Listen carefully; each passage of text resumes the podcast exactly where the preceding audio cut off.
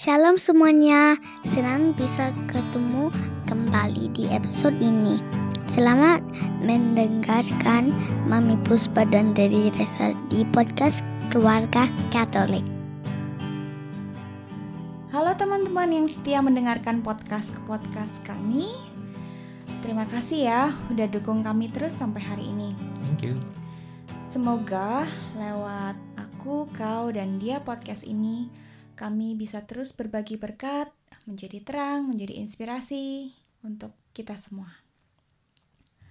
Ngomong-ngomong tentang inspirasi, hari ini aku dan Reza Hmm. um, bakal ngobrolin tentang um, siapa yang menjadi inspirasi kita. Mm-mm. Betul ya. Jadi sejak jadi istri dan ibu, aku semakin mengagumi Bunda Maria. Bagaimana dia bersikap sebagai um, the woman of God yang taat, yang setia. Padahal kan uh, Hmm.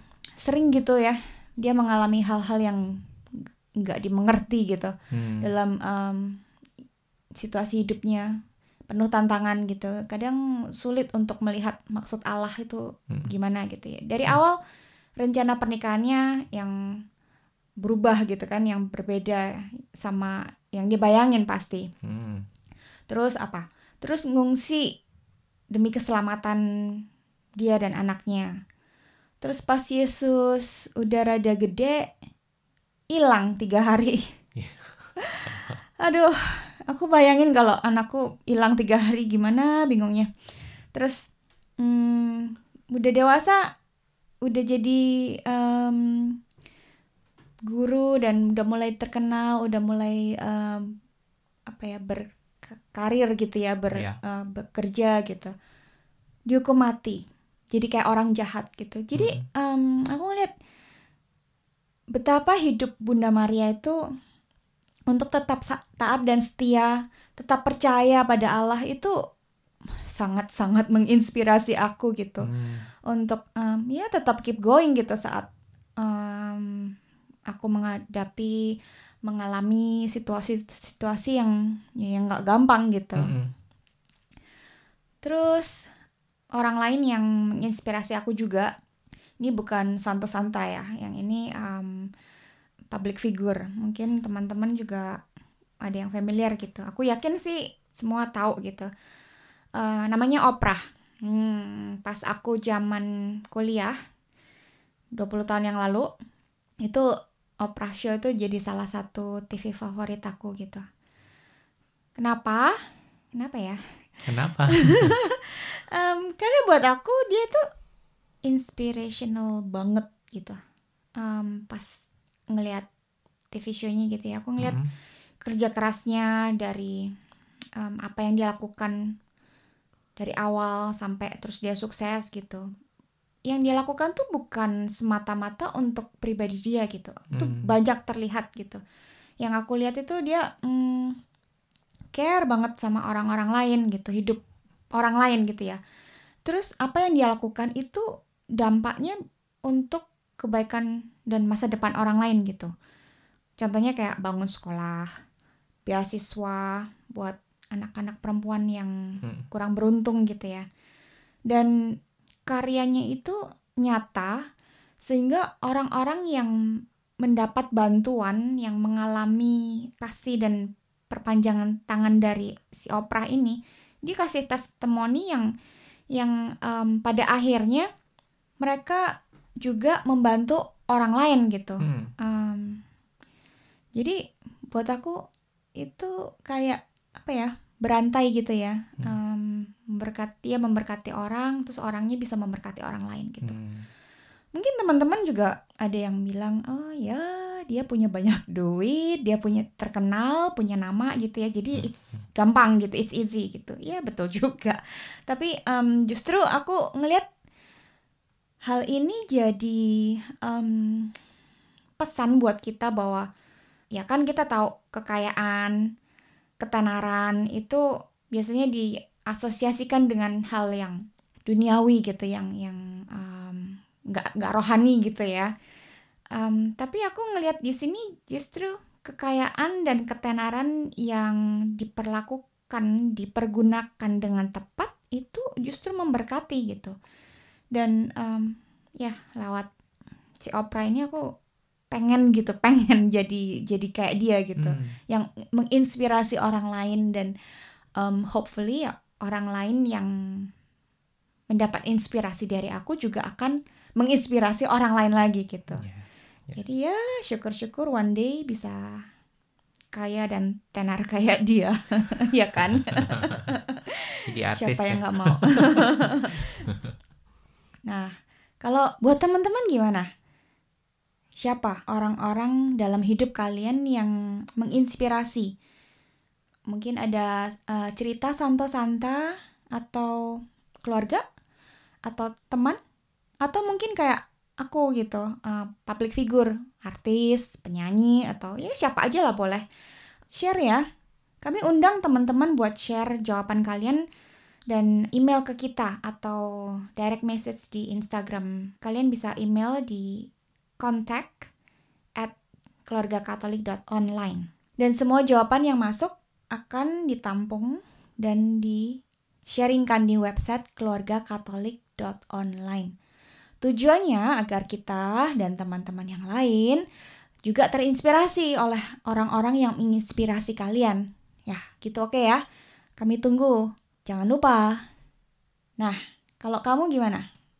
Kalau aku aku nggak punya banyak orang yang aku kagumin atau memberi inspirasi kan ada orang yang bisa ngefans banyak. I think um, aku nggak nggak banyak. Mungkin bisa dihitung pakai jari satu tangan kali gitu ya. It takes a lot. Um, buat aku kalau siapa yang memberi inspirasi uh, aku no- nomor satu itu opaku sendiri almarhum opa Stanley. Nah opa ini um, orang yang super pinter dan punya banyak bakat. Hmm. Nah, dia awalnya tuh profesinya kalau nggak salah insinyur ya, insinyur teknis. Hmm.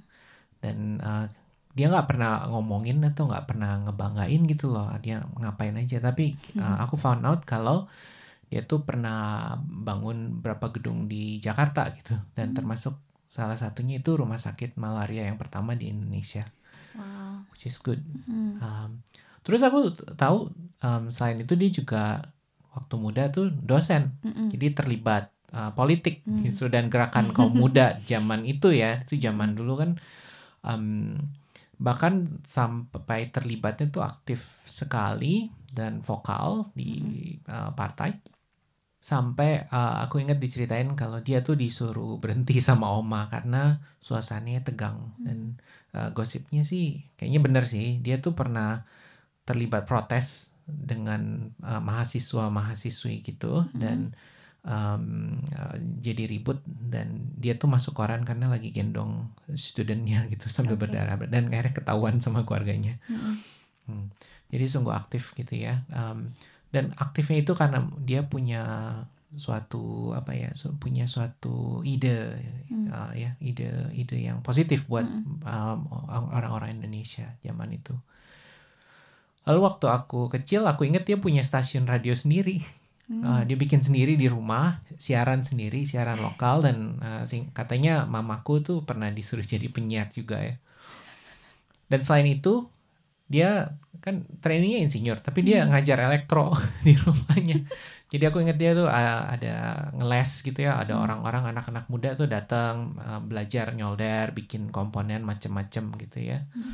Dan aku juga found out ternyata dia itu um, menjadi salah satu penegak awal Orari buat teman-teman mungkin yang um, nggak tahu Orari itu udah lama ya organisasi radio amatir dia termasuk salah satu penegak awal dan yang mengawali dengan orang-orang lain Hmm. sampai call sign-nya aja itu khusus gitu diberikan cuman untuk orang-orang yang uh, masa itu ka- ka- katanya sih gelarnya penegak kalau nggak salah Hmm. Oke.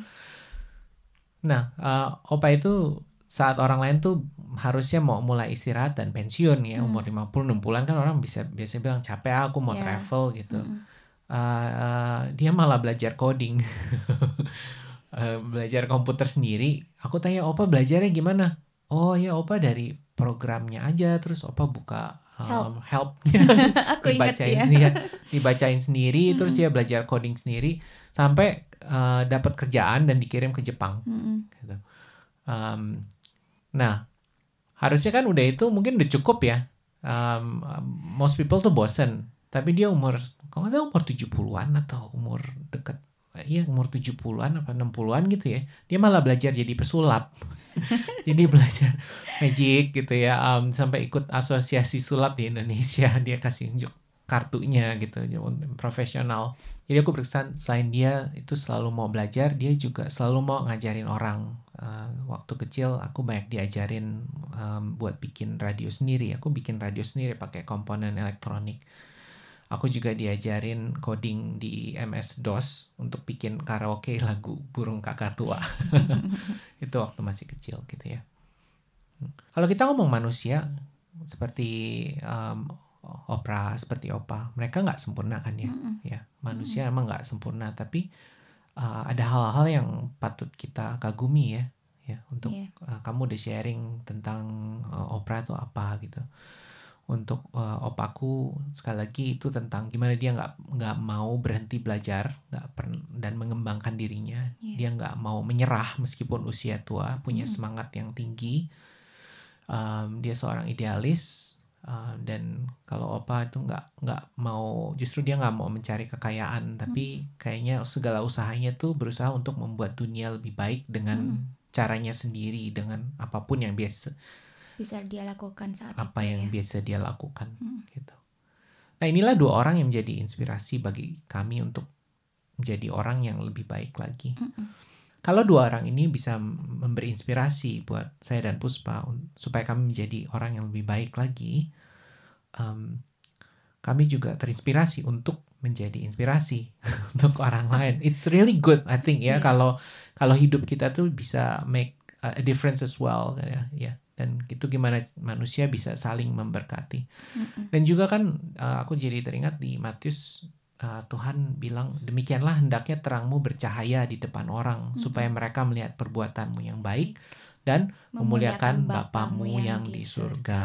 ya dan ya kalau orang bisa menginspirasi satu sama lain mm dengan hal-hal uh, duniawi kita sebagai orang Katolik uh, aku merasa kita juga uh, punya suatu panggilan untuk menginspirasi orang-orang sekitar kita baik dengan perbuatan kita sehari-hari, kelakuan, perkataan, mm-hmm. tapi juga lewat iman kita supaya orang bisa memuliakan Tuhan dan syukur-syukur orang anak kita atau mungkin orang lain gitu ya bisa melihat kita dan um, mereka bisa lihat oh ya aku belajar sesuatu dari mm-hmm. mereka dan aku mau juga untuk menjadi inspirasi bagi orang lain. Yeah. Seperti undangan Puspa tadi, um, kalau teman-teman ada mungkin punya uh, orang dalam hidup teman-teman yang memberi inspirasi boleh dong di sharing yeah. ya iya, hmm. dan uh, kalau sharingnya itu juga kita akan sharing lagi dengan um, pendengar podcast ini lewat website uh, atau mungkin di episode selanjutnya dan siapa tahu pendengar juga malah tertarik gitu melihat uh, orang yang menjadi inspirasi mm -hmm. anda dan mm -hmm. mungkin itu bisa memberkati mereka juga. Yeah. Okay. Alright, kita tutup dengan doa. Okay. Dalam nama Bapa dan Putra dan Roh Kudus. Amin. Amin. Ya Bapa di surga, terima kasih karena kami boleh hidup dalam dunia dengan um, banyak orang yang bisa memberi kami inspirasi. Kami juga mau menjawab panggilanmu ya Tuhan untuk menjadi orang yang berkarya, membawa terang dan uh, supaya perbuatan kami memuliakan Engkau. Um, Terima kasih untuk orang-orang yang sudah menjadi inspirasi. Terima kasih untuk Bunda kami, Bunda Maria yang memberi inspirasi bagi kami untuk untuk hidup kudus, untuk menjadi ibu yang lebih baik. Dan kami mohon supaya kami juga boleh uh, menurut teladan mereka dan menurut teladan putramu sendiri Yesus Kristus supaya um, kami semua boleh membuat dunia ini menjadi dunia yang lebih baik. Amin. Terima kasih ya Tuhan. Terima kasih Tuhan. Amin. Amin. Dalam nama Bapa, dan Putra, dan Roh Kudus. Amin. Amin. Terima kasih sudah mendengarkan episode kali ini. Pastikan untuk subscribe podcast Aku, Kau, dan Dia dan kunjungi website kami di keluargakatolik.online untuk info dan tulisan yang terbaru.